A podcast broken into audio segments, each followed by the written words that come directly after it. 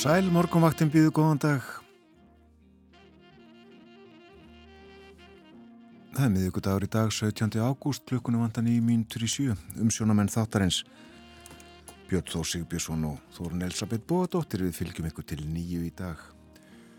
Það er öðruvísi veður á höfuborgarsvæðinu í dag, heldur en í gærmorgun, allt öðruvísi. Í gær horfum við á þennan mikla bólstur sem var upp af keili, stóð upp frá góðstöðunum í meðradölum. Í dag er ekkit að sjá. Við sjáum ekki einu sinni keili og sjáum raun að bara rétt móta fyrir Kópáskirkju þar sem við stöndum hér á efstaleitinu í Reykjavík. Já, kvast, rigning, gular viðvaranir. Þetta er ekki kræsilegt. En fyrir mig er verið eins og það var á landinu klukkan 6 fyrir 50 mínútum. Nýju steg að hiti. Já, uh, þokkalegast í hiti. Nýju steg að hiti sem satt í Reykjavík. Regningin reynda bara lítilsáttar austan 8 metrar fór í 15 í mestu kviðu 10 steg að hiti á Kvanneri austan 5 metrar þar. 11 gráður á Stikkishólmi þar var allskíjað og 7 metrar. Og 11 steg að hiti Á Patrísfyrði og 10 metrar á sekundu fór í 14 í mestu kviðu. En bara 2 metrar á sekundu í Bólungavík þar sem var nýju steg að hitti. 5 gráður á Holmavík, 9 á Blönduósi, 8 metrar þar. En logn við Söðunisvita á 8 steg að hitti logn líka á Akureyri og 3 steg að hitti, heiðskýrt.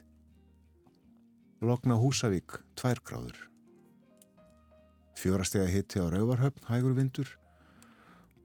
Sömleðis hægur vindur á bæði skjaltingstöðum og eilstöðum, fjórastega hitti á skjaltingstöðum og tveggjastega hitti á eilstöðum, heiðskýrtar. Seks gráður á höfni Hortnafjörði og Hvískerrim, hægur vindur. Átta gráður á Kirkibæðaklaustri og 6 metrar norðaustanátt.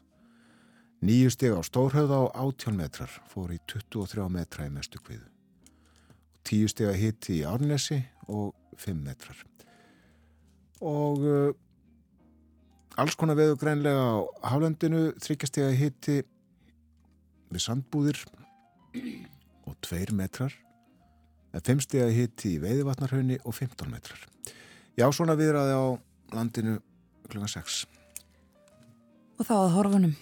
Vaksandi söðaustanátt með rigningu söðvestan til en mun hægari vindur og léttskíðað norðan og austanlands. Hiti 2 til 9 steg og suðaustan 15 til 23 metrar á sekundu sunnan og vestanlands og rigning eða talsverðrigning með morninum en bætir í vind og þyknar upp norðaustan til.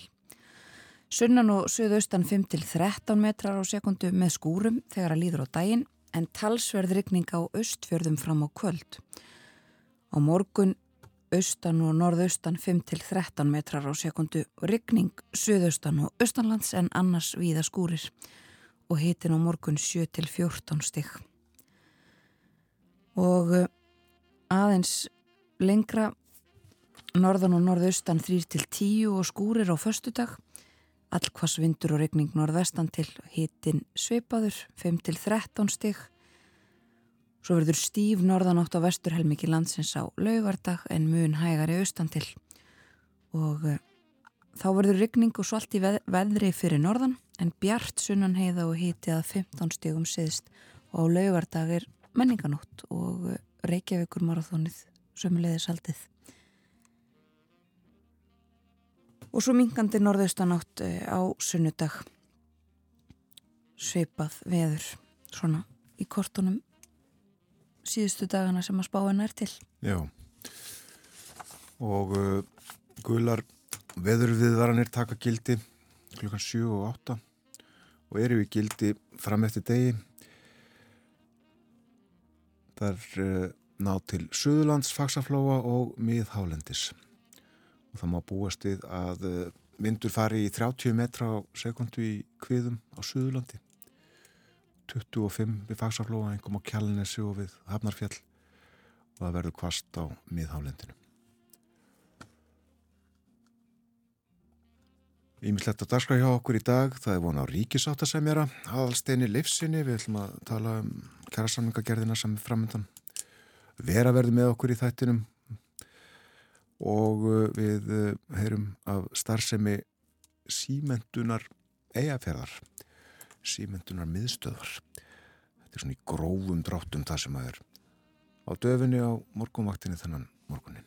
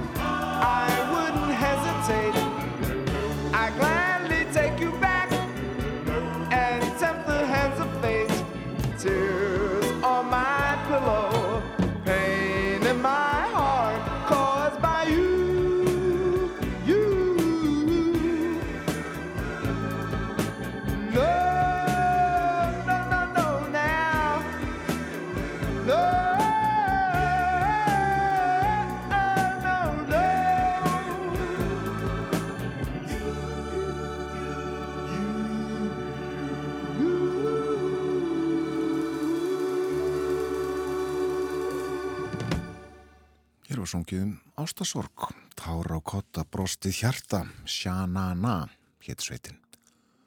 Það liður að fréttum, koma á slæðinu sjö fyrst auglýsingar.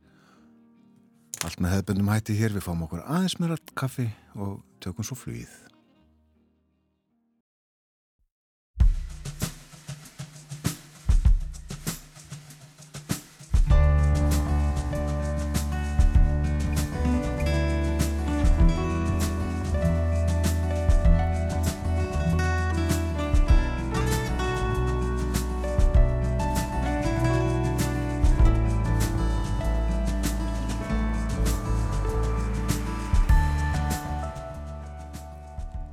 Morgunvaktin heilsar og býður góðan dag. Í dag er miðvíkudagurinn 17. ágúst. Kjærasamningar á almennu vinnumarkaði losna 1. november eftir 2,5 mánuð.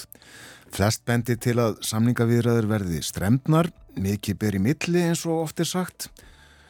Við eh, sjáum það á yfirlýsingum talsmanna, atvinnirekenda og launafólks. En hvernig líst ríkisáttasemjara á blikuna og yfir hvaða aðferðum býr hann til að miðla málum? Við spyrjum að því að morgunvaktinni í dag aðalstill Livsson verður hjá okkur halv áttan. Svo kölluð Vagner Sveit rúsneskra málaliða hefur ratað í frettir eftir innrás rúsa í Úkrænu. Málaliðarnir hafa áður látið til sín taka í átökum á Krímskaga og í Afriku og þykja afar harðsviðraðir. Mikið lind hefur kvilt yfir sveitinni þar til nýlega en ljóst er að hún nýtur velþóknunar rúsneskra stjórnvalda.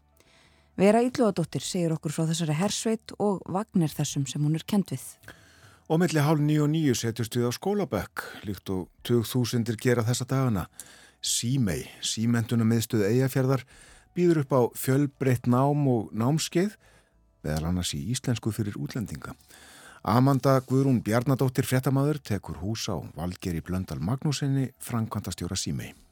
Umsjónamenn morgunvaktarinnar eru Björn Þór Sögbjörnsson og Þórun Elisabeth Bóadóttir.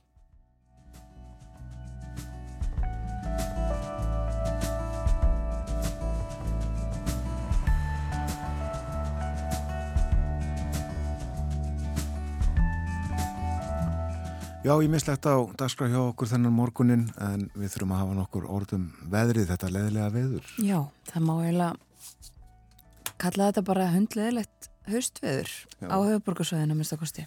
Og enn er ekki nema 17. ágúst? Nei, þó kannski ágætt að minna, minnast á það að uh, við fórum hér yfir veðrið klukkan 6 í morgun og það er með ágættum sumstaðar annar staðar á landinu. Já, lokk við það. Fallegt veður til dæmis á norðustur hluta landsins eh, í morgunsárið. En hundleðilegt já og eh, gul, gular viðvaranir að taka gildi nú klukkan sjö og eh, svo klukkan átta á Suðurlandi, Faxaflóa og með Hálendinu. Og það er þessi víðáttu mikla lægð sem við rættum um líka í þettinum í gær sem að stjórnar stjórnar veðrinu næstu daga og uh, söðaustan kvassviðri eða stormur með uh, mikilli eða talsverðir í ryggningu sunnan á Vestanlands fram eftir degi ekkit útivista veður á þessum slóðum það þeknar upp í öðrum landslutum og uh, söðaustlæg átt síðdegis í dag Talsverð rigning á Suðausturlandi um tíma eftir hádegi og á Östfjörðum í kvöld og annars á landinu víða skúrir. Heldur hægari vindur austan og svo norðaustan átt á morgun og áfram vætu samt Suðaustan og austanlands en annars skúrir á við og dreif.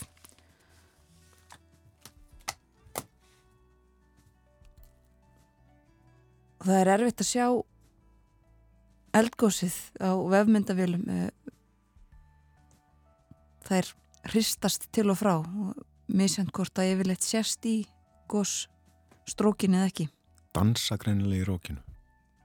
En það gís.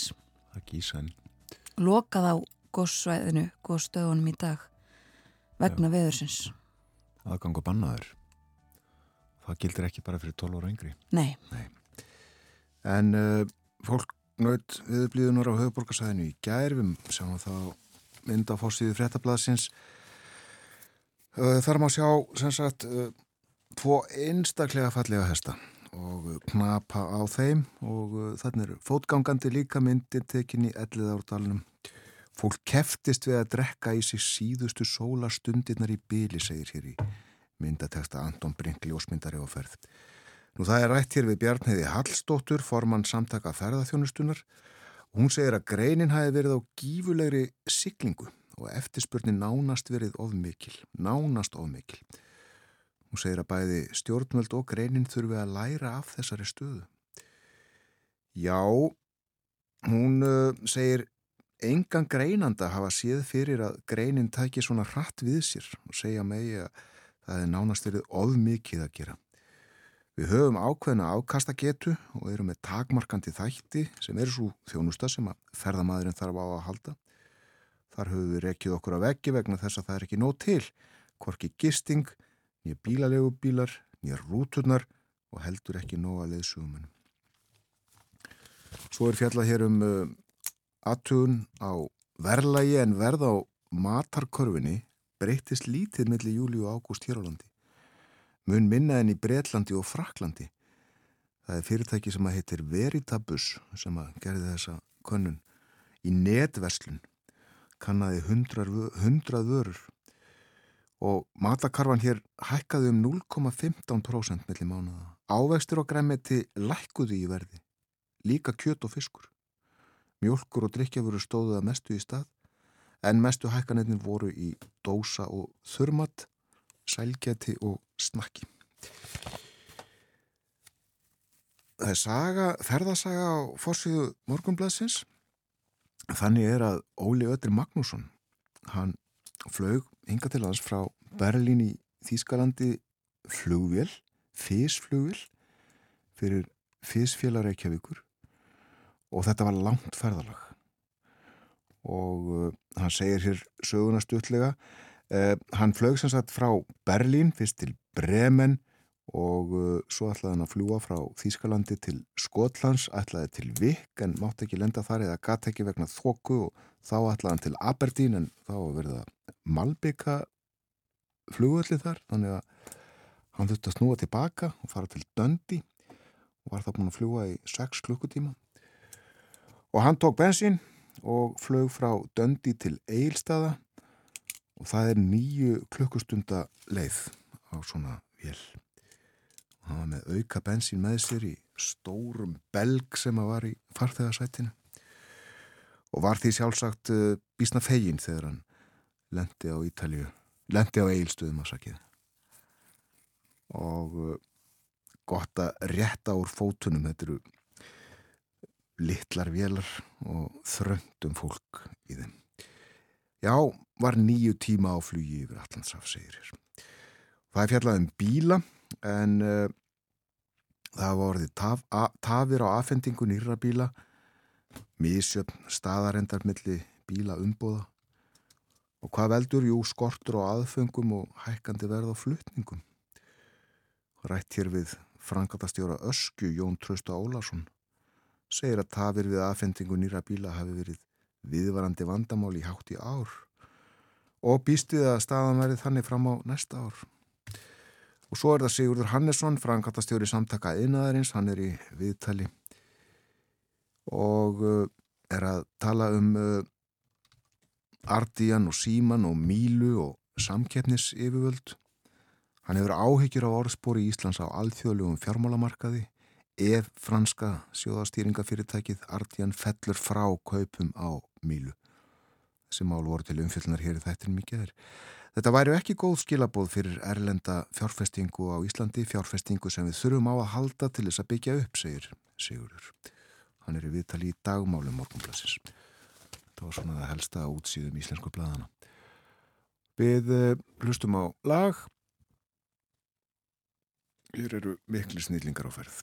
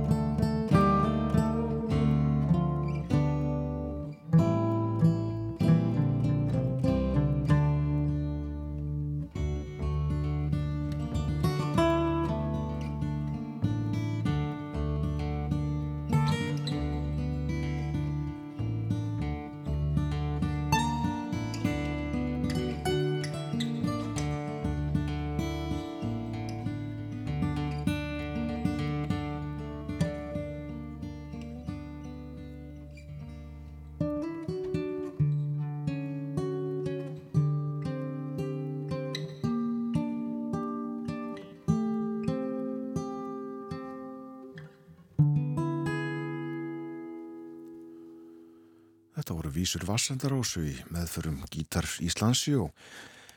Gítar Íslandsjó leikur á jazzháttíð Reykjavík í kvöld í hörpunni, flóanum. Tónleikarnir hefjast eh, stundafjórungi fyrir tíu, þetta eru svona síðkvölds hljómleikar. Og uh, Gítar Íslandsjó skipa Björn Tórótsen, Jón Rapsson og Þórður Árnason. Gunnar Þórðarsson var í sveitinni áður fyrr. En þeir verða ekki bara þrýra á sviðinu með þeim verður unnubyrna Björnstóttir sem að leikur nú á mörg hljóðfæri kann á þau mörg, spilar á þau öll vel, ekki síst fylguna og syngur líka. Gítar Íslandsjú og unnubyrna og þess að tíði kvöld. Og uh, já, fjölmarkir aðrir tónleikar bara blues til dæmis í Ráðhúsi Reykjavíkur klukkan 5 og uh, tónleikar líka í fríkirkjunni og Norðurljósum í hörpu. Jakob Bró til dæmis með Óskari Guðjónssoni og Skúla Sverriðssoni, svona svo eitthvað sem nefnd. Hlustum á Gítar Íslandsjó meira í þættinum í dag. En þessu næst aðeins út í heim og uh, byrjum á frettum sem tengjast uh, innrásinni í Úkrænu um, Antonio Guterres aðalfrankvæmtastjóri saminuðu þjóðuna heldur til fundar við Volodymyr Selenski Úkrænufórsetta í kænugarða á morgun og með í förverður eh, Erdogan Tyrklandsfórseti þeir eh, munu ræða þetta samkómalag sem var gert um útflutning á, á Kortni um Svartahaf. Var gert samkómalag millir Úkrænu og Rústlands um þau mál eh, og Guterres fer líka til Hafnarborgarinnar og Dessa það sem að, e, það sem að útflutningurinn um, er hvað mestur mikilvægt svæði í Ukrænu og uh, það verður á förstu dag ímislegt sem fyrir að gerast í þessum uh, málum þessu tengt uh, það hafa eins og við höfum heyrt af ímsir þjóðarleðtúar kallaði eftir því að, að, að það verði lokað á rúsneska ferðamenn. Eh, rúsneskir ferðamenn fá ekki áritanir til þess að heimsækja Evrópu og uh, það er talað um þessi mál í dönskum fjölmiðlum í dag. Fórsíðun og politíkan sagt frá því að það sé uh, breið gaggrinni í dönskum stjórnmálum á Mette Frederiksen, fórsættisróþara. Hún uh, taki ekki af skarið í þessu málum heldur vilji býða eftir um, einhvers konar sameinleiri evrópskri ákvörðun. Aðri flokkar vilja að hún taki af skarið og, og uh, vilji banna eða takmarka uh, komur rúsa til landsins. Og ímislegt uh, annað á forsýðum á Norðurlandunum um, og fór sér aftanposten í Noregi þar er fjallaðum uh, stöðmála í Mjanmar. Norsk stjórnvöld fordæma uh, fordæma herfóringjastjórnina þar sem hefur völdin þar. Og uh, enga síður varði norska utaríkisráðanetið uh, tæplega fjórum miljónum norskra króna í hótelherbergi og hóteli sem að uh, herfóringastjórnin á og græðir sína peninga á segir hér fórsíðun á aftenpostin rannsókn á þessum málum.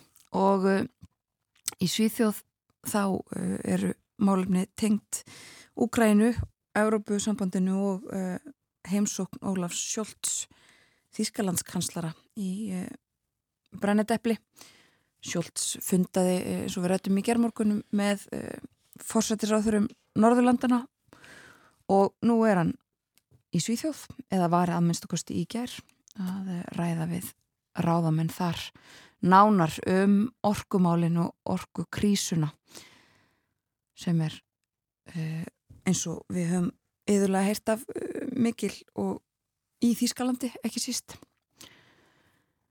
En uh, breskublöðin eru áfram mikið til með umfyllunum þessa uh, baráttu um fórsetisráþurastólin þau keppast við að komast á fórsíðunar Liz Truss og Rishi Sunak með eh, alls konar yfirlýsingum og eh, eru þetta í kostningabortu eh, viða um landið ímislegt sem að þau hafa að segja.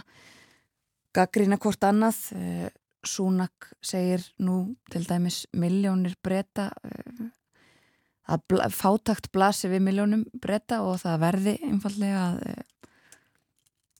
gera breytingar á sköttum og fleira og meðan að Liz Truss er uh, beina sjónum sínum að Evrópusambandinu og reyði í garð þess vegna Brexit.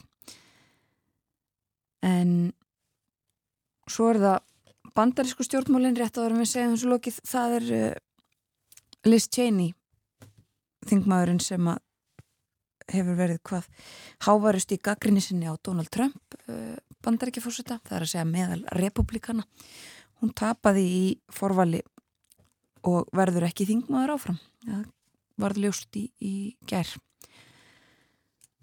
Annars ímislegt auðvitað í bandarískun stjórnmálum. Eh, Joe Biden að halda áfram að skrifundir alls konar stóra lögjöf og svo eru bandaríkjumenn að reyna að ná böndum á uh, yfir ímsa sem að uh, stunduðu svik í COVID-faraldrinum.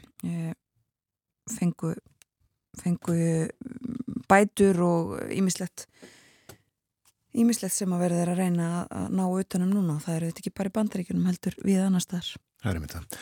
Og nýtum því hér við engum eh, fyrir nývaknaða stuðningsmenn Manchester United knarspinnurliðsins að Elon Musk allar að kaupa félagið. Hann segist allavega allar að gera það. Já. Skrifaði um það á Twitter í gerðkvöldi eða nótt Ævarar Njósefsson skrifaði um þetta frétt sem er á webnum okkar úr.is Já, hann eh, byrjaði á að skrifa svo það sé skýrt þá stiði ég vinstri helming republikanaflokksins og hægri helming demokrataflokksins og svo skrifaði hann aðra orðsendingu. Einnig þá ætla ég að kaupa Manchester United. Ekkit að þakka. En hann hefur nú áður skrifað ímislegt og sagt ímislegt sem hefur verið bara þvæla. Fyrir vikunni þá reyfiðum við upp fyrstu útsendingu Akureyrar delta ríkisútarsins Rúak fyrir 40 árum. Og uh, efni var meðal annars hljóðritað á Húsavík þar var þá Hákon Aðalsteinsson lauruglumadur skulum við skulum uh, fyrst velveringar á þessu. Við skulum uh, hlusta eins á Hákon. Þingiðasýslur eru um margt merkilegar og eh, sem dæmi má nefna að hér hafði fyrsti landnámsmaðurum vetursettu, hér var fyrsta kaufélagið 100 ára og, og, og sitt hvað fleira. En það merkilegasta samt sem að mér hefur fundist við Þingiðasýslu síðan ég kom hingað, það eru þessi eldgós. Og e, þessi eldgós hafa valdi mörgum heilabrótum, ekki síst jarfræðingum. Jarfræðingar hafa sett fram kenningar um uh,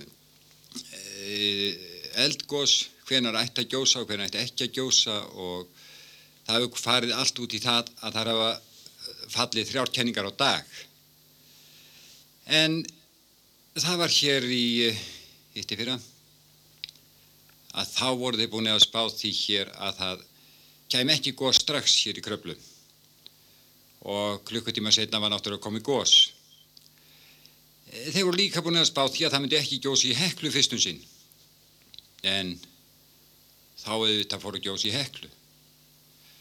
Svo að uh, þetta var þeim dáltið erfitt og þeir skildu ekkit í þessu. En eh, eitt var líka merkilegt við þetta að uh, þegar þetta eldgós hóst í kröflu þá byrjaði það náttúrulega eins og hannur eldgós á því að gjósa rauni og eldi upp síðan hann hraunið yfir fyrir eina hæð og þar niður aftur, niður í jörðin aftur. Þetta hafði aldrei neitt Íslandi eldgóðs gert áður og þetta fór þannig með jarfræðinga að þeir hættu að spá um eldgóðs og hafa aldrei gert það síðan. En við eh, hér í Þingiðarsýslu höfum skýringu á þessu og eh, ég setti það saman í kvæði sem ég langar til að fara með það sem ég held að komi fram mjög tæmandi skýring á þessu öllu saman. Og hvaðið er svona? Það var hér í sumar, í sakleysis blíðiðri, söðaustan hægur með ágætist hýðiðri, að hestar og fjö komur hlaupanda fjöllunum, hópuðust saman á yðgrænum völlunum. Það var sem allt væri að ganga af göblunum, gandriða sprettur hjá náttúru öblunum, upp bara á heiminin eldsúlur glóandi, eimirju flekkur um grundirnar flóandi. Fyrrum þá voru til íslenskir eldprestar, af þeim ég kannast við sögurnar langflestar, stundum þeir raunströmmnum bæðu frá bæjónum, en björguðu ör sjaldan fjennu og slæjónum. Við eigum prest sem er tröstur að talið er, töluvert ákveðin þegar hann beitir sér, hann var nú beðin að aðvara anskotan, eftir við næði það til þess að stöðva hann. Presturinn brósmildur brá sér á heiðina, bílar og gangandi vísuðu leiðina. Keikur og hnarreistur gekk hann að gósinu, glottið tók völdin af kærleika brósinu, benti á landið sem óðara opnaðist, ofan í sprunguna glóandi kottstiftist hraunið um vegleysur, stöðla og stórgrítis, stemdinu olgandi þráðbeint til helvítis. Versna tók ástandið vítis í eldónum, vall nú og kræmað í blóðröðum keldónum, Árar og púkar í eldviðarkestinum ærðust við þessa sending frá prestinum. Fjandanum sjálfum lág alveg við öngviti, á þetta starði sem króniskur halvviti, því líka ósvípni aldrei fyrir þekkti hann, íslenska kotbændur stundum þó rekti hann. Tilneitur var hann að taka á málunum, til þess að glatekki fordæmdu sálunum, örugast væri að hæja nú raunströyminn og hætta við opið í gjástikki í þetta sinn. Og þarna stó höfðingin, eldklessum aðtaður, alrúin mannorði, kjarkurinn glataður, glæfuraleg aðför með glóandi mývasarraun, gefið að þetta var þauðlugsuð mortilraun. Tók nú að kreppa að úr ræðum anskotans, uppreist var komin í púka og djöblafans, í kónsríki myrkranna kastaði tólvonum, kræmandi lögurinn rann eftir golvonum.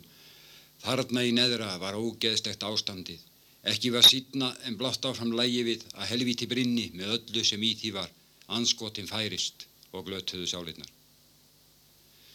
Nú var það taka á öllu sem eftir var, óðar að losna við hraunið og glóðirnar. Á heklu var smuga sem gott var að grípa til. Þeir gerð aldrei kunstir á landinu sunnan til. Þeir líta á eldgós sem réttláta refsingu, reynastar fáir með tárheina samvinsku. Þeir sættu sig jafnan við hungur og harðræði hugprúði sultu og dóu úr volaði. Já þarna var sveit fyrir elda og eimirju, eigðandi násbrota harðinda valkyrju, nú skildi hamast og leikið að lestinum og laumast í burtu frá norrlenska prestinum. Svo opnaðist hekla og magnaðist mökkurinn, myrkvaði sveitirnar byggsvartur kökkurinn, hraunströymar byltust á heiðinni, grundinni, helviti bjargað og elleftu stundinni. Hjálmar Aðalsteinsson, sákunni að yrkja.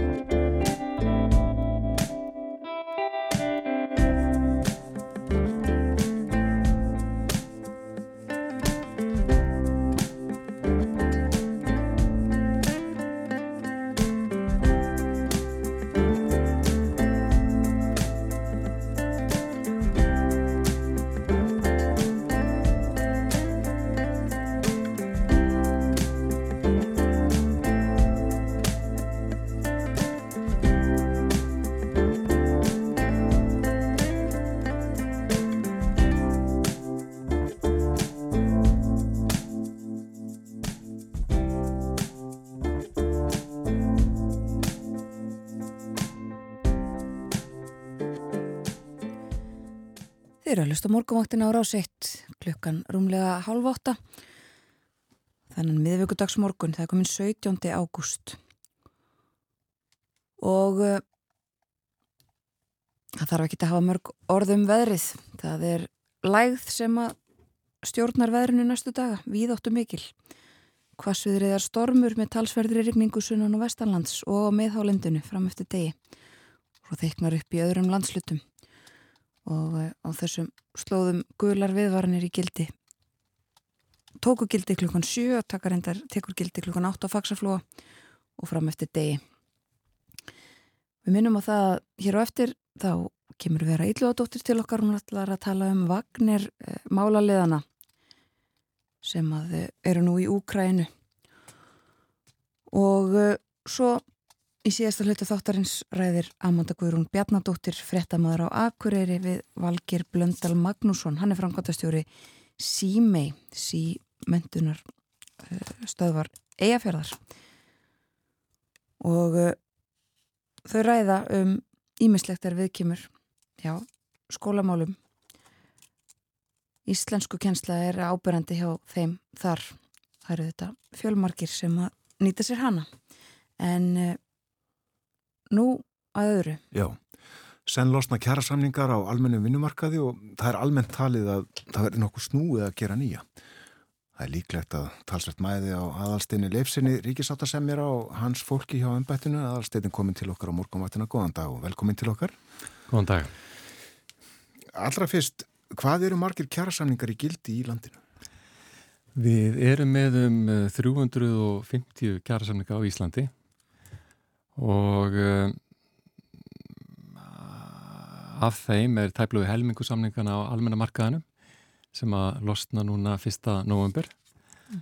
og hinn helmingurinn uh, er síðan á ofurbæra markaðanum og, og þeir samningar losna 31. mars á næsta ári. Þannig raunni allir þessi 350 samningar verða lausir í vetur eitthvað tíman. Já, þetta eru margir samningar. Þetta eru talsveit margir samningar og, uh, við skerum okkur örlítið úr að þessu leiti. Þetta eru álíka margir samningar og við höfum í, í nákvæmlega en þar eru náttúrulega samfélagin 20 til 35 sinum fjölmennari heldur en við. Að hluta til er það eðlilegt og við sjáum það mjög víða náttúrulega okkar samfélagi að, að þó að samfélagi sé, sé lítið að þá eru hópatnir jafn margir og, uh, og það er eðlilegt að við séum heldur fleiri samningar með höðutölu heldur en aðrir en einhvað síður þá er þetta mjög mikil fjöldi og við erum með talsvist að miðlaðan kjærasamningu sem ná yfir eða jafnvel einn eða tvo eða þrjá eða fjóra, fimm einstaklinga. Það er myndið að kemur þetta allt meira að minna til ykkar kasta hjá ennbætti ríkisáttar sem er að? Við höfum verið að greina tölfræðina talsvist undafarið og eh, eitt af því sem að, sem að eh, stekkur út af þeirri mynd er að af þessum 350 samningum, það fara en það byrj 99% yfir eins og við köllum. Já. Það er að segja, ef við horfum til landan í kringum okkur þá er langa algengast að það gerður nýr kjara samningur áðan eins og eldri fellur og gildi. Og þannig að það liggur nokkur neginn fyrir, bæði fyrir launafólk og fyrir launagreðendur, hvað tekur við? En á Íslandi þá gerist það nánast aldrei að uh, í síðustu lótu þá í 99,1% tilvika þá fóru við yfir, það er að segja að fyrir samningu var runnin út áður en að náðu samkvæmulega um nýjan og jafnaði tók það hátt í eitt ár að klára nýjan samning áður en að eftir að þess að fyrir rannu gildi.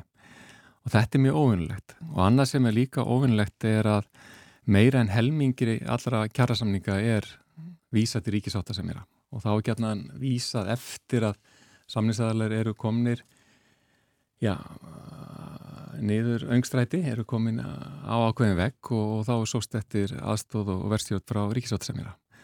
Þannig að þetta slagar endar hátt í, í 60% hjá okkur í, í síðustu kjæralótu en, en sem er mjög óvinnlegt í alþjóðlegum samanbyrði. Og hvað getur þú gert? Það sem við getum gert er að, er að reyna að skapa umhverfið það sem að allir samningsaðalar njóta sín að, að passa upp á að hlúa fólki þannig að þið líði vel og reyna síðan að skapa ákveðu öryggi í kringum ferli samtalsins. Og uh, þegar við skoðum ánægi og óanægi með samninga, hvort sem það er í, á vinnumarka eða annar staðar, að þá skiptir gríðarlega miklu máli að, að það sé raunverulega þannig og fólk hafi tilfinningu fyrir því að allir fái tækifæri til þess að tjá sig að fólk sé ekki bara hlusta til að svara heldur hlusta til að, að skilja að, að öll gögn séu lögð fram að allar hugmyndir og tilugur og leiðir séu rættar af, af fylstu alvöru og að menn vinni sér í gegnum öll þeim málefni sem að annarkor eða báði samninsæðalega vilja ræða að mikill einur og skipulega og jafnframt að það sé gott samtal, að það sé góð persónuleg tengsl og, og gott samtal yfir borðið, þannig að aðalega getur lagt sér fram um að finna lausnir, jafnveg lausnir sem að hvorum í hugað að koma með í faratiskinu inn í herbyggið. Þannig við heyrum ofta í fréttum að, að eftir langa fundi hjá Ríkisvota sem er að, að, að þeir hafi reynst áranguslausir En það er sjaldan árauguslösi fundir. Það er gætna þannig að þá hefur verið að vinna sér í gegnum ákveði mál, fari í gegnum gögn, ákveða að, að sækja nýja, að skoða mismöndi sjónamið og, og krifja þetta merkjar og öll þessi vinna hún leiður okkur áleiðis í áttina að einhvers konar nýðustöðu sem, sem flesti geta að lifa með og, og er sem hagstæðast fyrir báð aðala.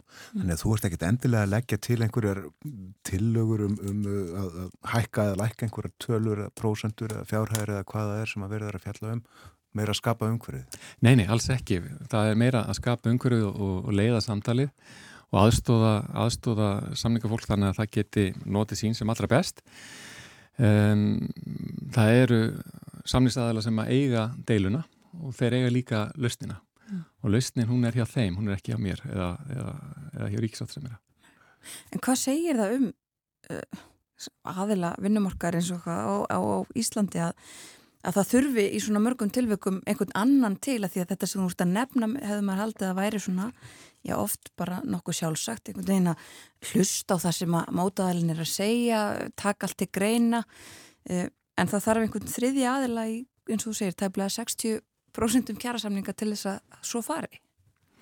Við höfum núna undarfarið staði fyrir námstefnum með aðlum vinnumarkaðins, þar sé að það eru fulltrúar þá samningarnemdum bæði hjá launafólki og hjá launagreðendur sem hafa mætt mm. Og við erum búin að vera með þrjárun og þegar og ætlum að hafa það fimm í hildin út um all land þar sem að fólk hittist í þrjá daga til þess að ræða saman og ræða saman um samningaferlið og, og, og, hérna, og hvernig við getum sem best unnið saman í gegnum, gegnum, gegnum hérna, samningana og uh, þetta er búin að vera frábært og ótrúlega skemmtilegt að, að, að eiga þessa eiga þessar námstefnur með, með samningarnemdunum.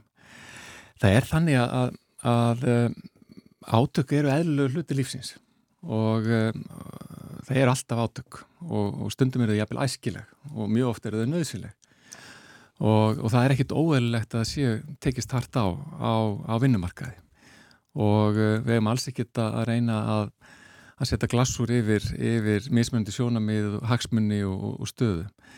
Hins vegar er alltaf spurning hvernig vinnum við sem best úr því samtal, hvernig eigum við sem best við átökinn þannig að, að, að eh, bæði að við náum sem mestum ávinningi fyrir báða aðla og eins til þess að kostnæðin fari ekki úr hóðu fram.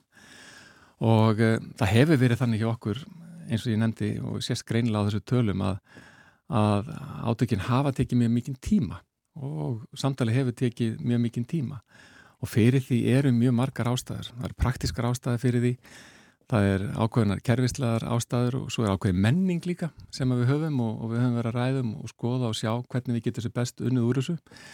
Einleið er til að mynda að byrja fyrr, að, að, að breyta hans hefðinni og, og byrja samtali fyrr og, og það er verið að leytast við að, að gera það og svo er eitt og annað sem að, að aðaldin getur tekið skref sem hægt er að taka til þess að reyna að ná og þroska samtali fyrr þannig að gera síður að við förum fram yfir. Mm vegna þess að ég held að, að þó að það sé ekki allir sammála um það, að þá held ég að flesti geti verið sammála um það að það er gott fyrir fólk begja megin borðs og skapar ákveð öryggi ef að launafólk veit hvað tekur við þegar fyrirsamningur rennur út og eins líka þegar fyrirtæki og stopnarnir geta gengið að því sem vísu hvernig þeirra ekstra umhverju verður með til, til kjærasamninga mm. þegar fyrirsamningur rennur út.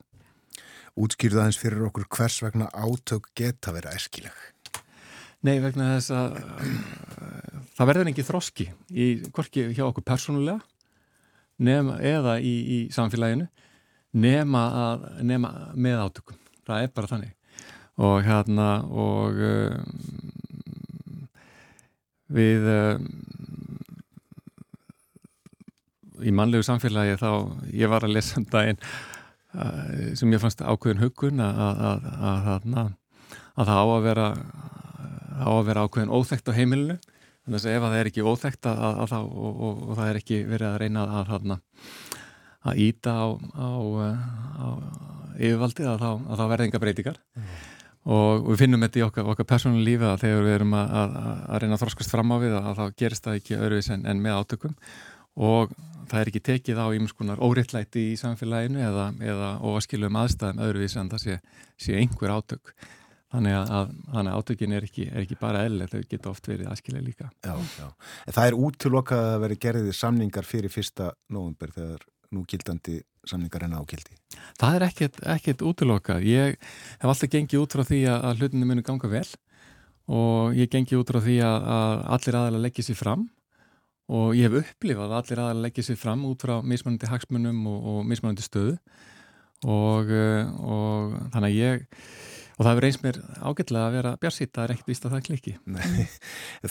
Þú hefur ekki sjálfkrafa aðkomu að samningagerðinni, það þarf að vísa deilum til þín og þá er þetta ekki lengur endilega samningavirðar þá er talað um kjara deilur, ekki satt? Jú, það er um, ríkisátt að sem er getur undir ákveðinu kringustæðum einni stíð inn í kjaradeilur og, og, og beðið um að, að fá einsýn og, og koma að borðinu en hefðinu svo að, að, að annar hver aðlun eða báður vísaðinn til ríkisáttisemira Veistu eitthvað hvernig staðan er núna hjá, hjá uh, atvinnureikendum og lunafólki? Við höfum náttúrulega fylgst með og vitum að, að það hafa verið samtöl til að mynda í, í þjóðasáði eins, eins og greintuð verið frá það sem er að ræða um ímjöskunar forsendur. Við vitum líka að núna í fyrsta sinni í 20 ár förum við inn í viðræður með hlutlegar upplýsingar um, um þróun launa og, og kaupmátt. Vegna þess að núna höfum við kjaratölfræði nefnd sem var sett á lakirna fyrir tveimur árum síðan og hefur gefið út uh, þrjá skýslur nú þegar. Meðal síðasta skýslan sem að, sem að koma út núna á dögunum. Og hægt er að finna inn á vef Ríkisóta sem er eða vef kjartalfræðanemndar eru upplýsingar um, um þróun launa og kaupmáttar frá gerði lífskjara samningsins og, og allra samninga í síðustu kjaralótu. Þannig að við höfum, höfum þær upplýsingar líka fyrir núna þegar við förum inn í lótuna. Og hjálpar það til? Það hjálpar vonandi til. En við veitum líka að þetta er, þetta er flóki mynd á þessu kjara samninga tímabilið þá höfum við gengið gegnum heimsvaraldur sem hefur skapað náttúrulega álag á, á starfsfólk og, og náttúrulega einni álag á efnaða fyrirtækja og, og stopnana. Við erum líka núna eh, stött á stað það sem er mikil verbulga hluta til vegna átaka á, út í heimi. Og það er mjög ólík staða hjá ýmsum hópum og, fyrirtækjum. Og, eh, og svo auðvitað heyru við og fylgjast með að að, að vissum marki hafa væntingar aðalega vinnumarkaðins færst heldur í, í sundur með þar yfirlýsingar sem eru gefnar. En það er gott líka að hafa í huga að í aðdraðandra alla kjærasamninga þá er eðlilegt að séu ákveðin titringur um, aðalega er að koma sínum sjónum á framfæri og setja kannski vissanhátt viðmið fyrir viðræðarnir eða, eða hafa áhrif á, á, á væntingar fyrir þar viðræðar sem eru framöndan Þannig að það er alltaf í samningavirðaðum og ekki síst í samningavirðaðum á, á vinnumarkaði. Og að öllu þessu gefnu, hvernig metur stöðuna fyrir viðræðuna núna? Ég finn það alveg og, og uh, þegar maður spjalla við fólk og, og fólk segir, heyrðu, það lítur út fyrir að verði annarsamt haust framundan og að það er kannski ákveðin, það er svona ákveðin, ákveðin kvíði og, uh, og það er ákveðina svona ræringar og hristingur. Ég vona að þetta sé svipað eins og var með, ég tók eftir því í viðtali við fólk í Grindavík hérna í aðræðand Elkosins að að eins og að jarðræðingarnar hafi verið, verið verri heldur en, heldur en Elkosið og ákveðin, ákveðin hérna, feginleiki þegar Elkosið tók við og, eh, og kannski er það e, ekki dósipað að það er ákveðin titringu núna í aðræðandunum en, en, en vonandi mun þetta vera, vera gott og árangursíkt samtal. Já. Segð okkur aðeins af, af þessum upplýsingum sem að nú líka fyrir byrjaði að sapna þeim hvað fyrir tveimur árum sagður það ekki þegar þessi kjara rannsókna nefnd var til. Þú hefur alls konar upplýsingar og tölfræði til þess að leggja fram og sína fólki sem það getur stuðst við. Já, við uh, eh, kjæratölfræðanemdin hún uh, er fyrst og fremst að, að þar sita aðelar vinnumarkaðarins, það sita hagfræðingarna frá allum heildarsamtökum launafólks og líka launagreðenda og uh, ráðunetta og hagstofunar og, og fari yfir og skoða þróun launa og kaupmáttar og það er ekkit byrt í skýslu kjæratölfræðanemda nema allir aðalar séu sammál um það. Og, og þess vegna er þetta er, er mjög aðtilsvægt að skoða og mikið vært að skoða það sem að, að frá kjæratalfræða nefnd kemur. Síðan höfum við verið að reyna að greina samningsumhverfið og aðstæður. Eitt af því sem ég gerði var að ég gerði könnun meðal þeirra sem að sita í samningarnemndum begja megin bórsins um þeirra vinnubröð og líðan og upplöfun á samningaferlinu og um, það var margt aðeinsvært það sem kom þar í ljós. Til að mynda sáum við að um, í síðustu kjaralótu þá voru um það byrj 40% þeirra sem tóku þátt eh, nýjir, þar sé að fólk sem ekki tekið þátt í svona kjarasanningum áður. Og sá reyndir líka að um 20% þeirra sem svöruðu körnuninni sögða að þeim myndi aldrei geta hugsað sér að gera þetta aftur. Og það var náttúrulega vísbytting til okkar um að, um að styðja við alla þá sem eru nýjir í þessu umhverfi og eitt og annað sem við hefum gert í, í framhaldinu eins og til að mynda að gjör breyta þennu upplýsingu sem við komum að framfæra um kjærasamlingaferli eins og inn á er að við settum á fót þessar fimm námstefnur uh, út um all land þess að fólk hittist í, í þrjá daga til þess að tala saman.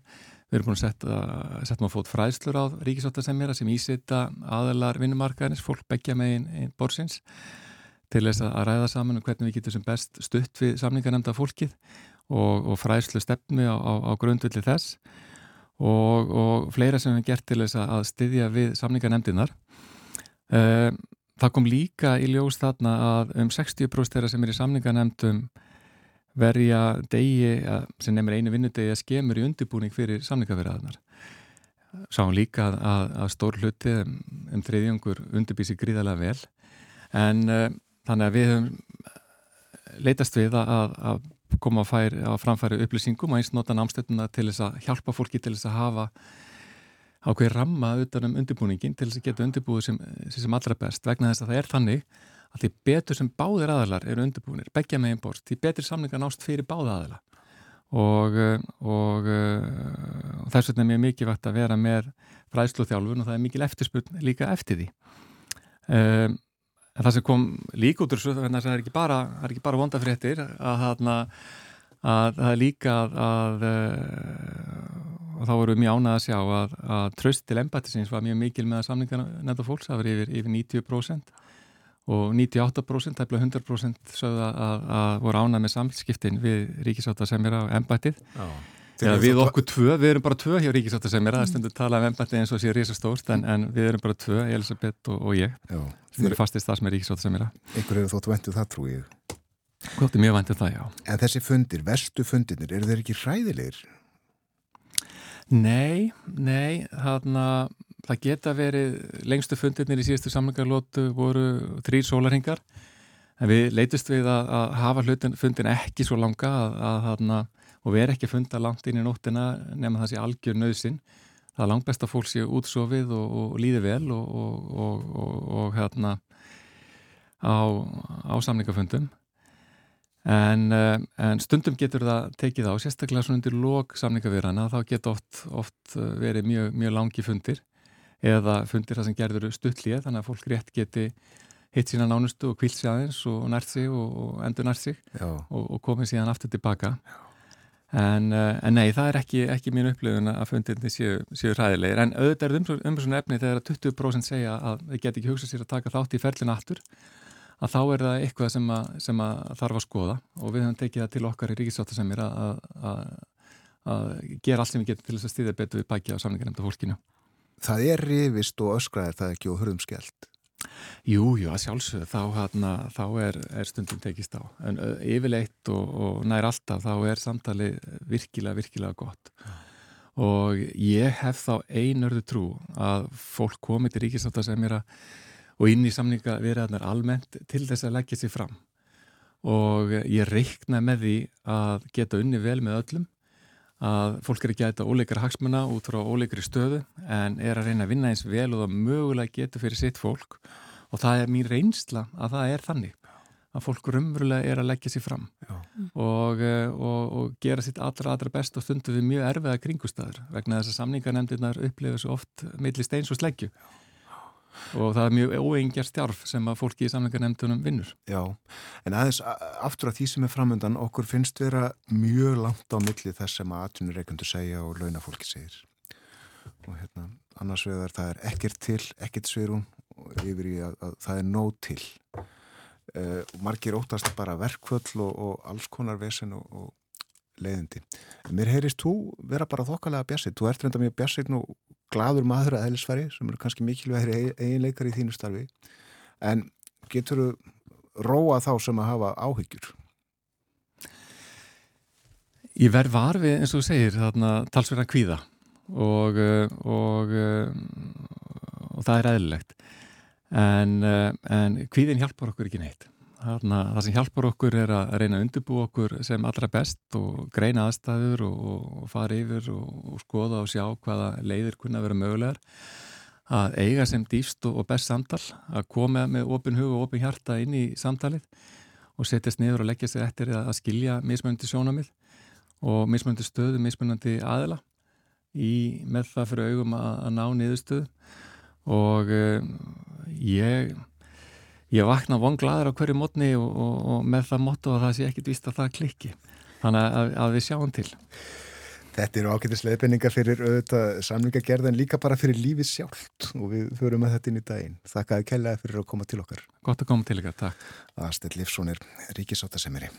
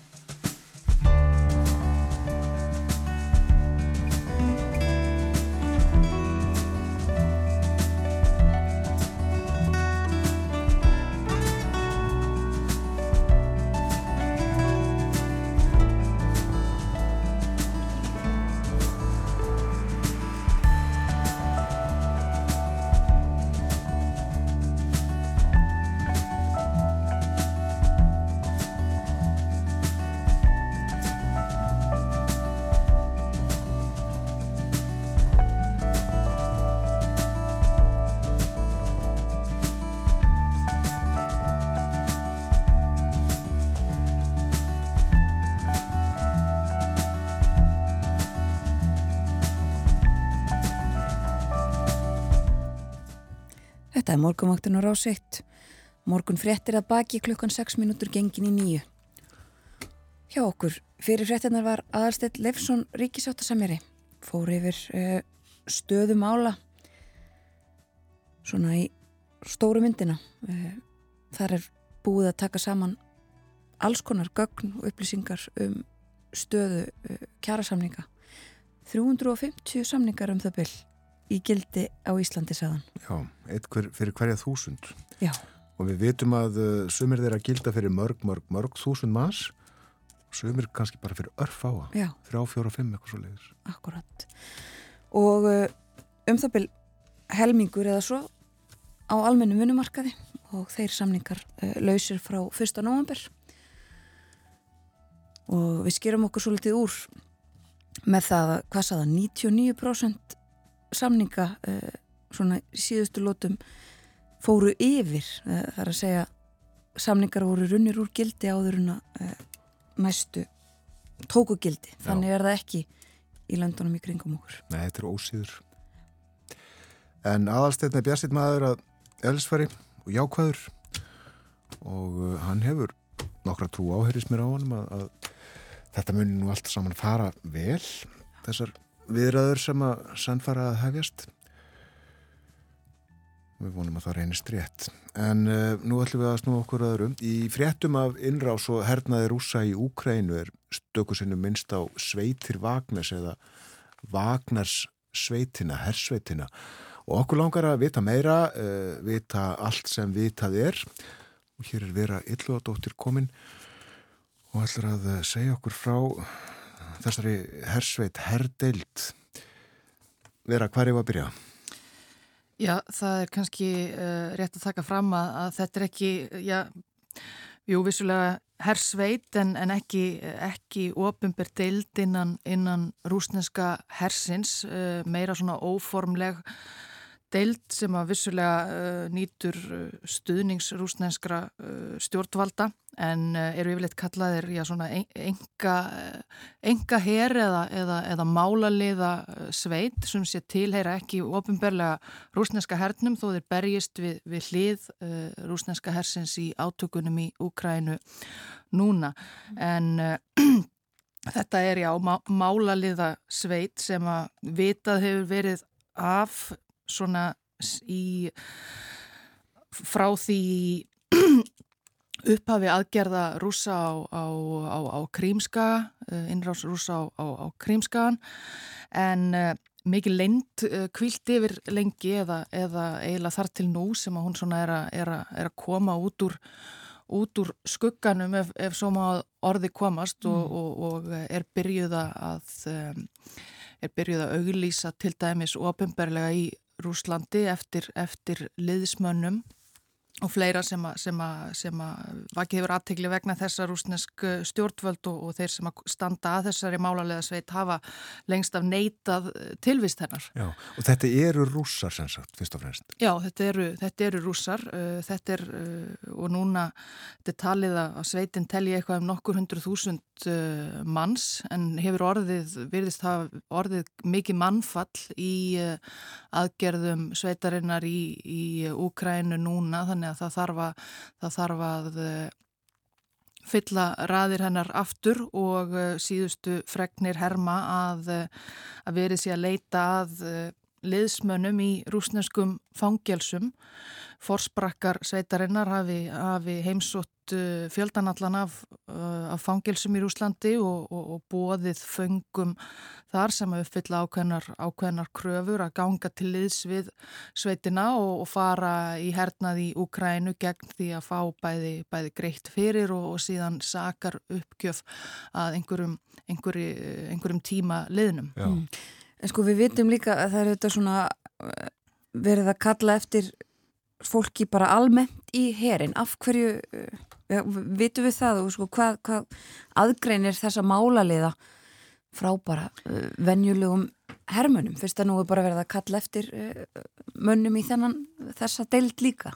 Já, ég uppafi hernaðar að gera það var það jú þannig að þeir að málaliðarnir í Vagnarsveitinni voru Já, í flestum tilökum talsvært reyndari en, en ungir óreindir rúsneskir hermenn þannig að þeir voru kallaðir til til þessa, til þessa svona, svona leiða, leiða ferðinandaldið í Úkrænu og við uh, munum kannski eftir fréttum af því þegar, þegar spurðist út að, að uh, þá væri flokkur manna að reyna að ráða Úkrænu fórsetta af, af dögum í, á fyrstu dögum fyrstu dögum stríðs, stríðsins. Það voru, það voru saður vera einhverjir úrvalsmálalegar Vagner sveitarinnar en eh, eftir því sem að, sem að stríðið hefur dreist á langin þá hafa kannski margir af þessum, þessum reyndu, reyndustu málaleðum Uh, látið lífið í aðgerðum og því þarf að, því þarf að, því þarf að finna nýja. En það hefur sé, uh, alltaf lengsta mikið leint kvilt yfir þessari uh, starfsemi. Líklegast er þetta, þetta er eina mörgum málaliða sveitum svo sem sem að vitað er að það eru starfræktar í Rúslandi og eða mannaðar rúsneskum, rúsneskum hermönum leit svona fyrst dagsins ljósi á 2014 þegar rússar voru að leggja undir sig Krímskaga, eina af, ein af mörgum málarlega sveitum sem, a, sem að tóku þátt í þeim uh, aðgerðum, byrtust uh, skindilega á, á, á, Krímskaga og, og lögðu síðan þar allt undir sig og talið að, að, að stopnandi eða svona einna, einna fórsprökkum þessa hóps sé, sé fyrverandi uh, rúsneskur hermaður, liðsmaður í leinið rúsneska hersins. Uh, maður hann rafni Dimitri Utkin og er eitthvað um 50 uh, í dag, uh, barðist í Tjetjeníu sumuleiðis og er saður vera mjög harður nínasisti, þakin, þakin nínasista húðflúrum og svo framvegs og hann og hann sem sé mun hafa eftir að hafa verið í hernum gengið til liðs við eh, eitthvað, rúsnest málarlega fyrirtæki sem að barðist í, í, í Sýrlandi þar sem að rússar stutju Bashar al-Assad fórseta í baróttu hans við uppreysna menn og uh, síðan stopnað sína eigin, eigin málarlega sveit sem að, sem að já er kölluð Vagnersveitin vegna þess að það mun hafa verið uh, dullnefni sem, sem að uh, Dimitri Útkinn notaði í, í sínum, uh, sínum störfum mm. og uh, auðvitað vísun í tónskáldið Vagner sem að, uh, hefur jú gertnan verið í miklu uppáhaldi hjá, hjá nazistum. Dimitri Útkinn er sem sagt Vagner. Já. En uh, þessi sveit verður síðan uh, já, nátengt rúsneskum stjórnvöldum og þó svo að, þó svo að þau hafi yfirlega uh, neitað því og uh, svona eigandi sveitarinnar uh, núna eða sá sem, að, sá sem að fjármagnar hana og heldur henni úti er uh, að öllum líkindum uh, rúsneski kaupsíslumæðurinn Jevgeni Príkosín sem að gengur yðurlega undir uh, nafninu Kokkur Pútins Það er uh, smákrimi frá uh, Pétursborg sem að auðgaðist uh, á því að reyka veitingahús eftir veitingahús og veislu þjónustu eftir fall Sovjetríkjana og, og kynntist þannig uh, Vladimir Putin sem að fóra, sem að, fóra að uh, verða fastagestur á, á luxus veitingastöðum hans og Jevgeni Príkosín hefur, hefur síðan orðið mun meira en, en bara kokkur, hann, hann rekur ímiskonar skuggaleg fyrirtæki í ímsum bransa og hefur verið orðaður við margt misjafnt meðal annars talin hafa rekið eða stopnað hérna allræmdu Internet Research Agency eða, eða, eða, eða tröllaversmiðju rúsa eins og hún hefur verið kölluð. Þaðan sem að, þaðan sem að rúsar hafa, hafa gert út alls konar alls konar falsfrétta rittara og, og, og, og fleira sem hafa verið að skipta sér af kostningum í bandaríkunum og, og, og fleira. Þannig að hann hefur fengurnar í, í allmörgum kökum uh, príkusín, kokkurinn. Og uh, síðan er hann sagður fjármagna og, og reka þennan Vagnerhóp og listin af, af áður en að kom til þessara, þessara aðgerða í, í, í Úkrænu núna þá hefur sveitin verið á, á, á ferð og flugi um heiminn. Uh, þeir hafa barist í, uh, börðust í Sýrlandi. Uh, Vagner málaliðum var flóið til Sýrlands í rúsneskum herflugveilum þar sem þeir tóku þátt í ímsum bardugum í til dæmisum fornuborgina Palmýru, þeir, þeir voru í Damaskus, þeir stóðu vörðum óljuvinnslustöðvar í Sýrlandi og, og, og fleira. Þeir eru eru sagðir hafa hjálpað yfirvöldum í Sútan að taka á mótmælum gegn Ómar eh, al-Bashir fórsetta uh, Sútans í áslokk 2018 sem voru bara neður af, af hörku. Þeir hafa líka verið mjög fyrirferðamiklir í, í, í fleiri Afrikulöndum, sérlega í miðafrikulíðveldinu þar sem að uh, Vagner menn eru, eru sagðir hafa þjálfað hermenn ríkjandi stjórnvalda, það hefur verið meir og minna uh, borgarstyrjöld og varkvöld í miðafríku líðveldinu frá 2012 og ímsir vígaflokkar sem, sem að berast þar á banaspjótum. Og Vagner sveitin mun hafa tekið beinan þátt í, í, í þeim átökum auk þess að þjálfa hermenn og, eh, og sömu leiðis sést til þeirra í fleiri Afríkulöndum í, í, í Madagaskar þar sem þeir uh, gættu öryggis uh, fórseta eftir í umdeldum kostningum fórsetan sem að þá naut stuðningsrúsa gegn mótframbjóðanda sem að naut stuðningsvesturlanda þeir eru saðir hafa tekið þátt í átökum í Líbju stutt hersveitir stríðserrans Khalifa Haftar og uh, sumulegis í Mósambík og, og, og Mali og, og svo mætti lengi telja og dúka oft upp þar sem að, þar sem að rússar uh, telja sig eiga einhverja hagsmuna að gæta og meðal annars í, í miðafrikulíðveldinu þá hafa þeir, þeir sumulegis gætt uh, demantarnáma og alls konar annað sem, a, sem að er beint eða óbeint í, í eigu rúsnenskra aðila. Er, er það gerðir út af Putin fósetta eða, eða kokkinum eða einhverjum slíkum? Já, þeir eru um, allra, að öllum líkindum sendir út þar sem að þarfa, þar sem að þarfa, þar sem að þarfa Já, geta hagsmuna uh, rúsa en, en ekki þó senda ofinbera uh, rúsneska hermenn eða, eða slíkt og það því að þeir geta að því að rúsar hafa alltaf neyta því uh, staðfastlega að, að þessar sveitir tengist rúsneskum stjórnvöldum á, á, á einhvern hátt heldur séu þetta einungis já, einhvers konar enga aðilar.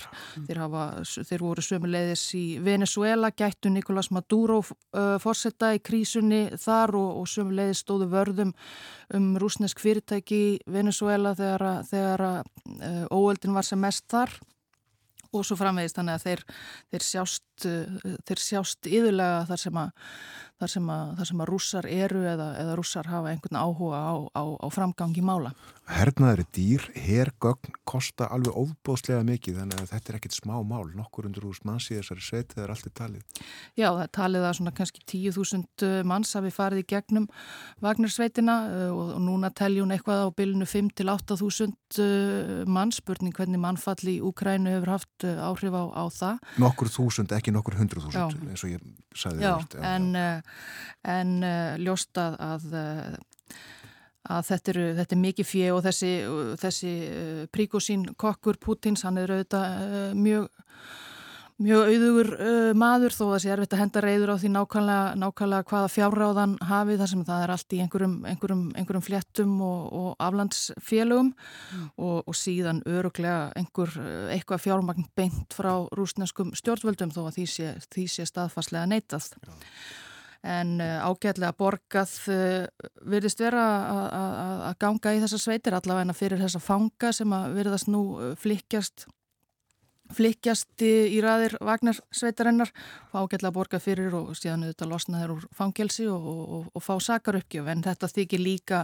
benda til þess að það hefi, hafi orðið uh, talsveit mannfall og það sé svona lægri, uh, lægri standard á, á þeim málaleðum sem að fá að ganga til liðs við, við sveitina nú. Uppálega voru þetta þulrindir fyrirverandi hermenn eitthvað svo leiðis en núna sem sé þurfa þeir á, á föngum að halda og eins og við sjáum þá uh, voru svona nýjustu fréttinnar af, af sveitinni var að, að um, Úkrænu herfirist það var uh, gert sprengjóros á höfuðstöðvar þeirra í austur Úkrænu Uh, óvíst hvaða afleðingar það hafði en, en frekar vandraðalett uh, mála því að það kvildu þetta lend á því hvar er höfustöðvar væru. En rúsneskur uh, bladamæður fór í, í, í heimsókn í höfustöðvarnar og, og byrti svona hópmynd af nokkrum, nokkrum kátum Vagner liðum en gætti þess ekki að á, á myndinni sem hann dreifði síðan á, á, á telegram hjá sér sérst uh, götu skildi þar sem að uh, sást greinilega nákvæmlega hvar, uh, hvar hann var stattur þannig að skömmu eftir það þó hann hafi nú reynd að taka myndina niður þá var skaðin skiður og skömmu eftir það var voru var sprengju ára og skerð á, á þessar höfustöðar. Akkurat. Já, við erum ymsu nærum Vagnarsveitina og skiljum betur, erum betur heima í málum þegar við heyrum hann að nefnda í fréttum. Kæra þakki fyrir að koma til okkur í dag að vera eitthvað dóttir og við setjum lag á fónin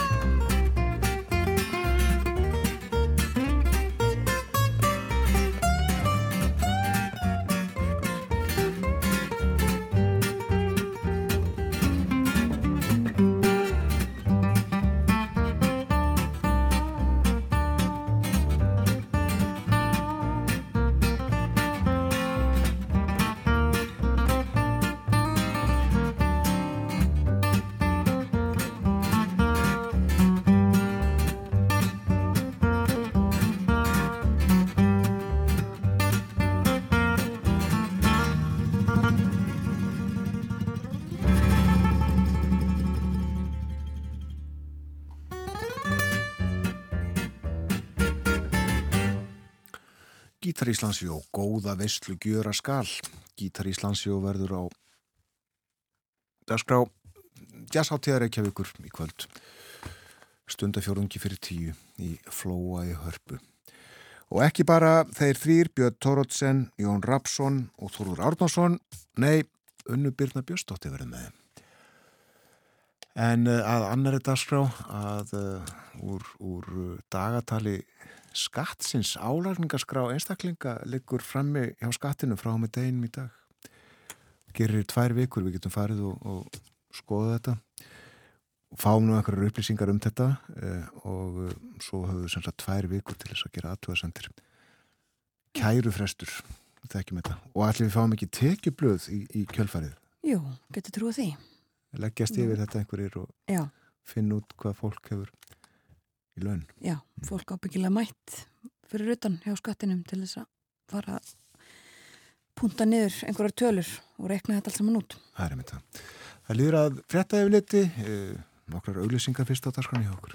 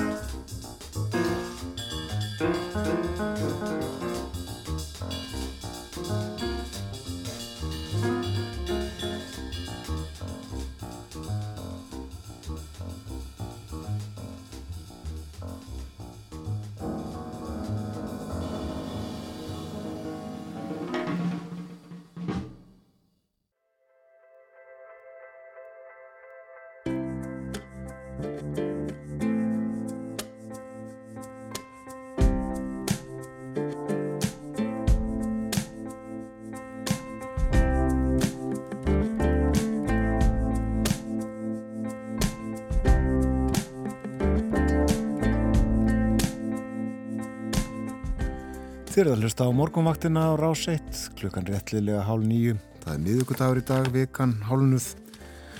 Ágústmánuður hálnaður líka, 17. dagur mánuðarins, dag 31 dagur í ágúst, svo 30 í september. Rifjum þessi fræðið upp. En við erum komin í samband við Amundu Guðrunu Bjarnadóttur fréttamanna á Akureyri, heil og sæl, góðan dag.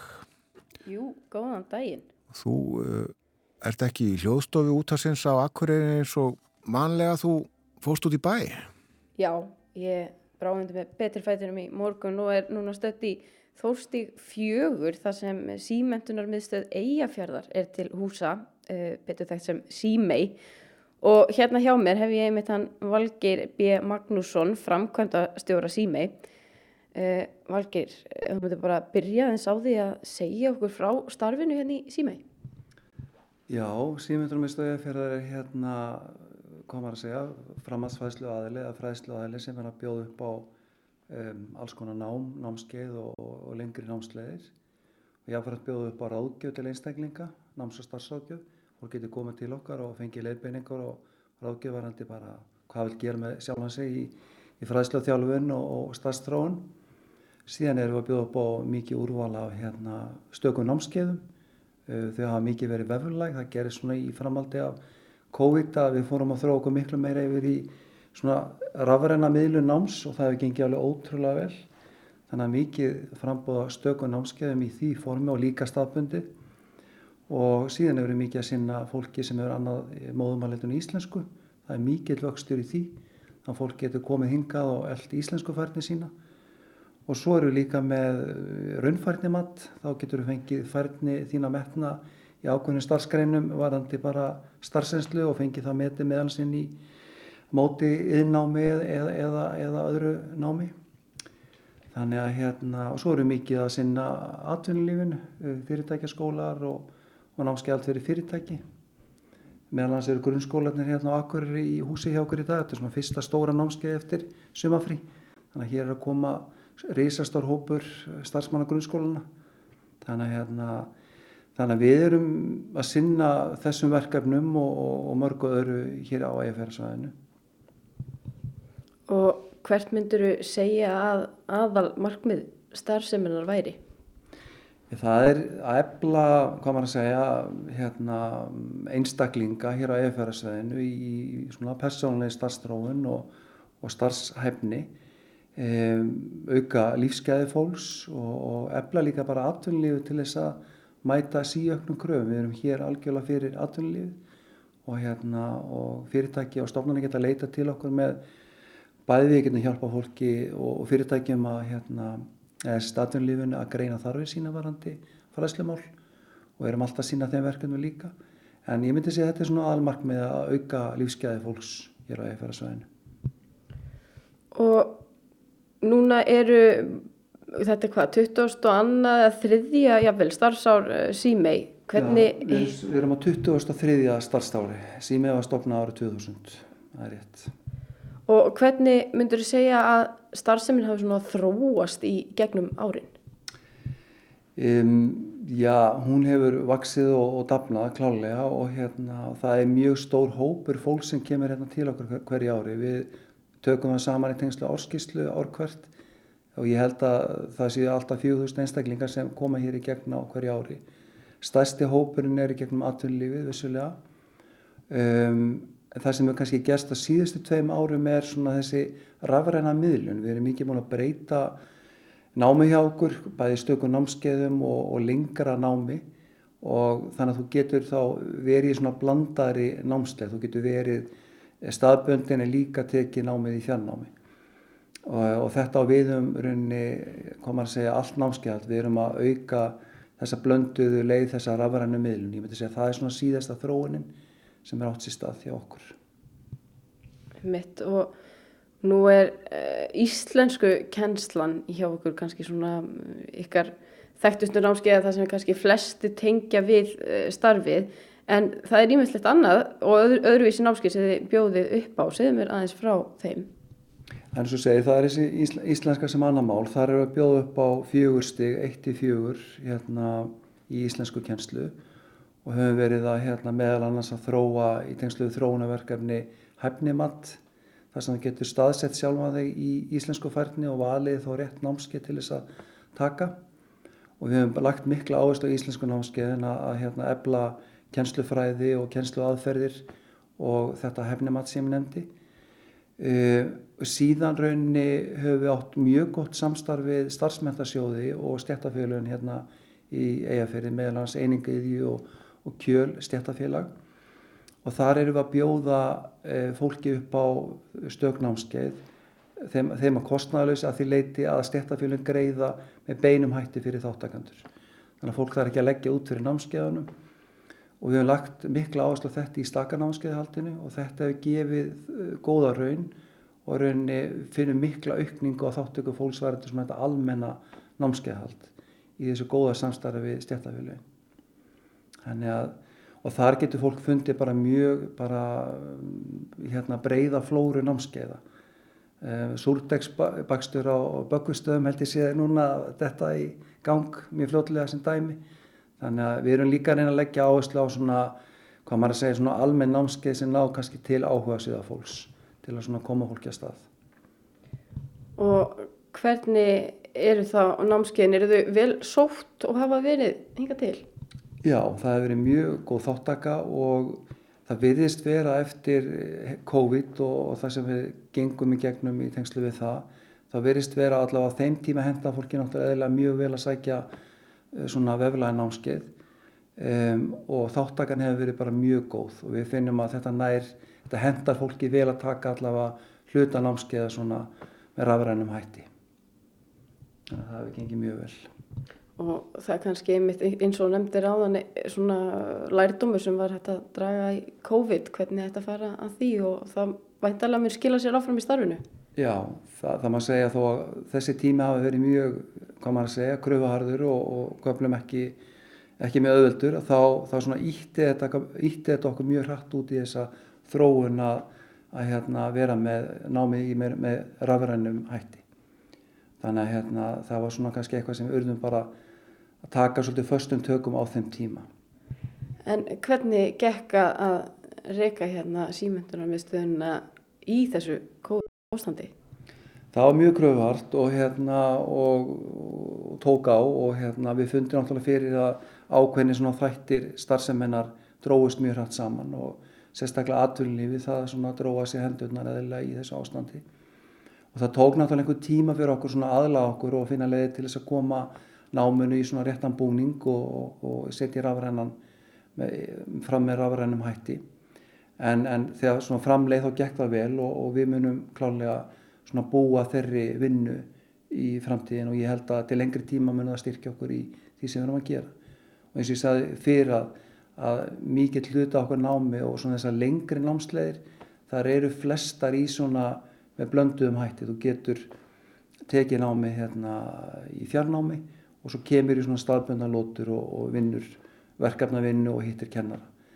E, og í náminu leggjum við í svo lengri námslegum mikla áherslu á það að fólk hafi gott aðgengi að kennara þó að sé ekki að hitta hann svona með hvað, sem, hvað maður segir með fysiskum hætti þannig að ég myndi segja að þó að þessi tími hafi hvað maður segja verið mjög erfiður þá, þá ítti, ítti okkur hratt út í þessa þróun að, að setja námið okkur fram með þessum hætti og ég held að það hendi fólki allavega einhver leiti betur. En heldur að hafi, geta, hafi haft einhver samfélagslega áhrif ef kannski starfseminn svona, kannski voru fólk ekki að þóra að koma á COVID-tímum og, og var þá frekar að sleppa að sækja námski í þennan tíma. Hefur það einhver áhrif? Já, við fundum það að, að hérna á tímabila þá var fólk ekki að koma og hérna og það komið svona tímabil þar sem var mikil samdráttur og, og við vorum að fella niður og eins og ég nefndi með atvinnulífi að það hérna það dróða sér hendurnar e, það meðalans ítti okkur með atvinnulífi út í þá þróuna að, að sem þróa veflega fyrirtækjaskóla sem þýðir það að við þarfagreinum vinnustæðin hvaða fræðslu þarf og síðan aðstofið fyrirtæki að setja upp svona veflega námskeið. Og e, svona eitt hérna fyrsta verkefni í þessu samhengi var Sæplaskólinn á Dalvík. Þar unnum við hérna með því fyrirtæki því að búa til svona veflegan fyrirtækiskóla og þetta er eitt af því sem við erum svona að vinna núna varandi aðtunlífið að aðstofa við það að finna út hvað fræðslu þarf vinnustæðurinn og síðan að taka upp námskeiðin. Og við erum búin að fjárfesta í kennslukerfi sem hægt er að nýta til þess að hérna, vinna þessa vinnu og fyrirtæki getur sem tekið þetta áfram og, og stuðla að svona innri þekkingu varandi það að hérna, að, að hérna, vera með svona veflegt námskeiðhald. Við erum meðalans að vinna með Akurabæ núna, velferðarsviði í því að setja upp svona hérna, veflegan fyrirtækiskóla. Og þetta hendar eins og starfsmenni fyrirtækja miklu betur að þessi fræðsla sem er svona með föstum hætti, þetta er eins og nýlega þjálfun og öryggismála, þessi hluti sem allir þurfa að fara gegnum á einhverjum tíma, að þú takir það bara eh, í tölvunniðinni, bara veflegt, en síðan ertu kannski að mæta freka staðbundi að námski sem krefja samskipta og svona vera þjætta hópin eða, eða svona námskeið sem þurfa meiri svona nálgun og samskipti. Mm. Þannig að við sem ekki eigða kannski tíma okkar í það að, að hérna, senda fólk uh, staðbundi, það tekur bara tíma og kostar peninga. Þannig að þetta er eina áhersla sem við erum að leggja áhersla á varandi atvinnulífið, að búið til svona veflaða fyrirtækiskóla og þetta er einna svona öngum þessar COVID ástand sem, sem hérna gerða verkum við urðum að taka þessi skref með atvinnulífinu. Mm -hmm. uh, og nú eru um 50 manns hérna á Akureyri sem hafa flúið stríðið í Úkrænu. Hefur þetta fólk eitthvað sótt námskeiðin hérna hjá sími og þá kannski sérstaklega uh, tungumála námskeiðin? Þetta er hópur sem við hérna, erum að fylgjast með og höfum verið í samstarfi hérna, hvað maður segja stýrihóp hjá hérna, Akureyrbævarandi þessi mál. Þetta er Rauðkrossin, þetta er Akureyrbær alþjóðastofa, vinnumálastofnun og við höfum verið að fylgjast með þessum hóp og svona hlera hérna hvað hann er stóru og hverja þarfinnar eru. Og við reiknum með því að, að bjóða upp á samfélagsfæslu fyrir hópi núna í haust og líka íslensku kjenslu og ég, nú er hérna til dæmis á Dalvik þá held ég að við séum að skoða e, að fara að staða með íslensku námskeið fyrir hóp þar. Þannig að við erum að fylgjast með hópnum sem betur fyrir virðist vera að, að hlutans er, er að fara beint í vinnu. Þá þarf svolítið að skoða það, hvernig hægt er að nálgast hópin með einstaklingana með námskeiðum. Þá þarf líka að hugsa um barnapössun og fleiri þætti. Þannig að við höfum verið góði samtali við þessi aðalega sem ég nefndi. Og ég reikna fastlega með því að við munum gera allt sem við getum til þess að bjóða þessum hópu upp á bæði íslensku kjenslu og samfélagsfræslu og svo það sem ég nefndi að þá er það samfélagsfræðslan er styrt af vinnumálastofnun og við vinnum mjög þjætt með þeim í því að, hérna, að skipilegja slíka fræðslu þannig að hérna, við munum allavega að setja þennan hóp og þjónastum hann mjög ofalega okkar forgangslista núna í höst. Akkurat uh, og þá svona að lokum hvernig sérðu framtíð uh, símei fyrir þér? Sko símei er hluti af framhansvæslu kerfinu á Íslandi og, og það, það er 11 símyndunarmiðstöðar sem vinna saman undir félagsamtöku sem heita Kvasir Uh, og þessa meðstöðar hafa aðgengja fjármagnin gegnum stjórnvöld, gegnum fræslu sjóð framhansvæslunar sem er vistar hjá fræslu minnstu atvinnlífsins í útskýrin og gerfið. Það er gaman að segja frá því að nýttir áðuniti félags- og vinnumarkaðar hefur tekið yfir fram, framhansvæsluna og ráð þeirra þess máluflokks hefur sínt mikið áhuga því að ebla kerfið en það með krefist endurskoðunar kerfin og svo vinnir hafinn og í haust verður kerfið endur skoða að komin verið að skipilegja stýrihóp sem vinna þeirri vinnu. Og það líka verið endur skoða lögum framhansvæslu þannig að það, það verða breytingar og endur skoðuna kerfinu og ég ætla að leiða mér að trúa því að, að við munum eflast í þeirri vinnu og, og geta stíðið svona, hvað maður segja, skýra í skrefin í framtíðina vegna þess að framtíðin er kröfuhörð, það er mikla tæknibreitingar og samfélagslega breytingar bara á Íslandi eins og annar staðar og framhansvæslan verður náttúrulega að taka með því líka. Þannig að ég held að það sé mjög, mjög ánægilegt að hérna, ráðneti er að fara í þessa vinnu og, og kalla framhansvæslan og aðra aðeila þeirri vinnu núna í haust.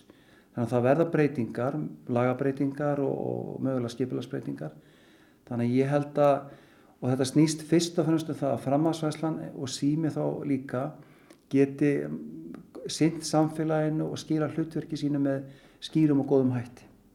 Þannig ég ætla að lega með að vera bjarsinn, það eru óvissi tíma framöndan en vonandi feilast í því bara líka mikil tækifæri. Þannig að við verðum bara að býða og sjá hvað verður í framtíðinni. Við verðum aðeins að býða en, en vera bjarsinn. Algjörlega, heyrðu, þá segjum við þetta bara gott heitið hérna úr símei. Þakka þér fyrir, eh, að, þakka þér fyrir spjallið og gangið ykkur vel. Takk kærlega fyrir mig og við þökkum Amundu Guðrúnu Bjarndóttur fyrir þetta. Þetta samtal við Valgeir B. Magnússon, framkvæmtastjóra Símei, Símentunar miðstöðvar Eyjafjörðar. Mentunur aðfinnu góða. Og uh, hann talaði um bjassinina, við þurfum að vera bjassin. Bjassinni var líka nefnt hér í samtali okkar fyrir morgun við Aðalstein Leifsson, ríkisáttasemjara. Já, við þurfum að vera bjassin þegar sildir inn í kjærasamlingagerð höstins. En uh, Veðrið er eins og það er og verður eins og það verður, verður kvast, eh, vara við eh, jáfnvel, 30 metrum á sekundu í kviðum undir fjöllum á Suðurlandi og einnig á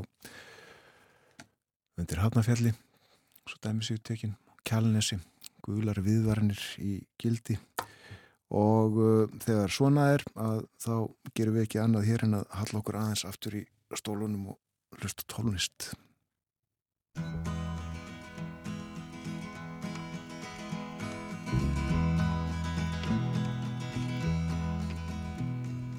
Twas in another lifetime, one of toil and blood. When blackness was a virtue, the road was full of mud.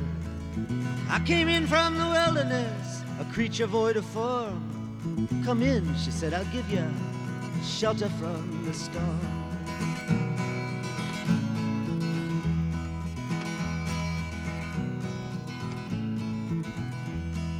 And if I pass this way again, you can rest assured I'll always do my best for her, on that I give my word.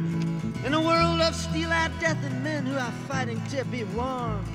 Come in, she said, I'll give ya shelter from the storm.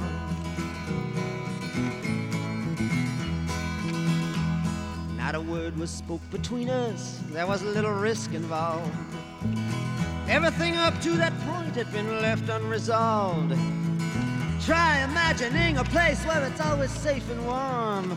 Come in, she said, I'll give you shelter from the storm.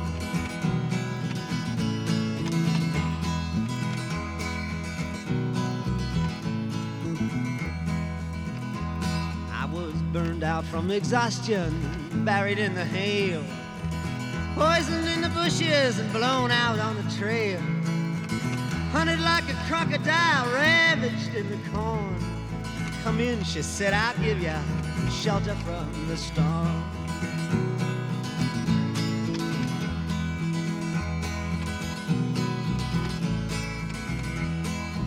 Suddenly I turned around and she was standing there with silver bracelets on her wrists and flowers in her hair. She walked up to me so gracefully and took my crown of thorns. Come in, she said, I'll give you shelter from the storm.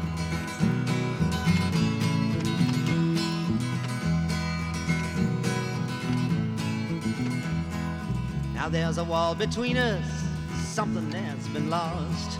I took too much for granted, I got my signals crossed. Just between till it all began on a non-eventful morn. Come in, she said, I'll give you shelter from the storm.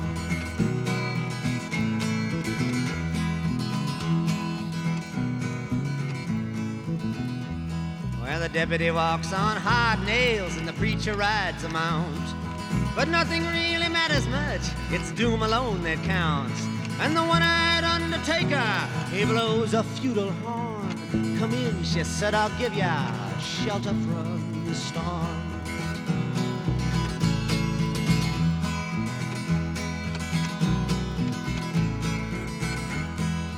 I've heard newborn babies wailing like a moaning dove.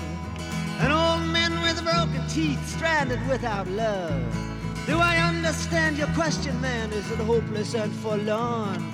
Come in, she said, I'll give you shelter from the storm.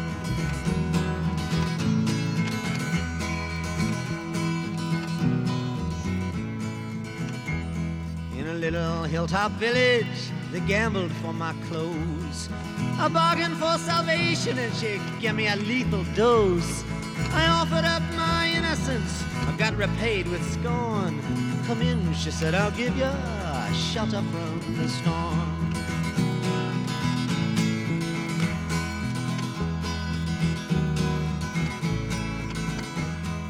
I'm living in a foreign country, but I'm bound to cross the line. Beauty walks a razor's edge, someday I'll make it mine. If I could only turn back the clock to when God and her were born. Come in, she said, I'll give ya shelter from the storm.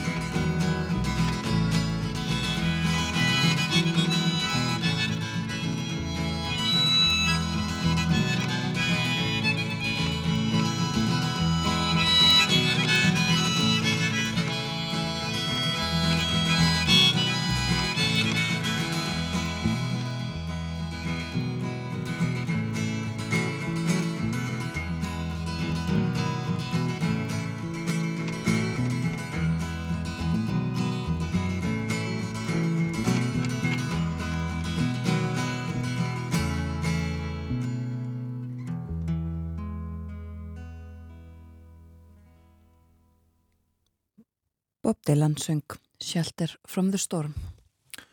Fyrir morgun fór fram undankeppni í sleggjukasti á Evrópumótinni í München, forkeppnin. Hilmar Örn Jónsson kefti þar. Þetta er sínt og var sínt í morgun sjónvarpinu. Sigurbjörn Árni Argrímsson lísti. Við skulum grípa niður í lýsingu hans hérna. Í úslit, við sjáum nú samt til, hér viljum við fá kast í úslitin. Hilmar Örn Jónsson síðasta kasti í undarkeppnin í honum. Og hann stendur hringin þetta er fínt, hann stendur hringin og þetta lítur vel út. Já, já, já, já, já, já, já. Hilmar Örn Jónsson er komin í úslit engin spurning. Þetta mun duga okkar maður í úslitin frábært algerlega frábært. Og fyrstur Íslendinga til að komast í úrslitt á sleggjukasti á stórmóti í frjáls íþróttum sjáu þið gleðina? 76-33 besta kastið hans á árinu og hann er 78 cm frá Íslandsmetinu og hann er hér komin upp í þriðja sæti í þessum kastopu ég lof ykkur því að þetta dögar ég lof ykkur því Sigurbjörn Átni í lýsingu frá Evropamótinni í mjög henni morgun. Já, Hilmar Örn Jónsson komin í úrslit í sleggjukastinu. Hilmar sleggja. Og uh, er ekki nokkur í viðbútt sem að keppa þarna í dag? Held ég. Uh, mikið um að vera. Uh, þrýr hjólreðakappar og Hilmar Örn Jónsson er ekki sá eini, Guðni Valur Guðnason líka að keppa í, uh, í sleggju í kringlukasti. Nú alveg með á hreinu hvenar það fer fram en það er í dag líka. Já. og uh, svo eru það tímatökurnar líka. Hafdi Sigurðardóttir, Silja Rúnarsdóttir og Yngvar Ómarsson það er um og eftir háti Akkurat Evrópamótið, heilmikið, heilmikið íþróttamót þarna, mjög sén, Þýskalandi. En þess er að ljúka hjá okkur, klukkan er að vera nýju. Já, við höfum uh, komið víða við eins og oft á morgunvaktin í dag. Morgun var hjá okkur upp úr halváta aðalsteit Leifsson ríkisáttasemjari. Já, við töluðum aðeins um uh, samningavirðaðunar framöndan. Það eru gerðir hvað 350 kjara samningar á Íslandi. Eitthvað það er um beil, já. Já. Og allir eru þau lausir engu tíman í vetur. Akkurat. Það voru líka í höfustöðum símetunum meðstöðar eigafjörðar áðan og vera illa á dóttu við með okkur, sað okkur frá Vagnersveitinni, þessari sjálfstæðu hersveit sem að er uh, þó nátengt rúslenskum stjórnvöldum. Við höfum hert minnst af þessa hersveit í fréttum við og við þegar sagt er frá innrásrúsa í Úkrænu. En uh, það er komið að leðalokum við verðum hér aftur í fyrramáli bjóðum góðan dag þegar klukkuna í sjö og minni á að uh, Bói Ágússon verði með okkur á morgun sæstu heimsklukkan eftir fréttinar klukkan átta. Við þökkum sáfildina í dag. Verðið sæl.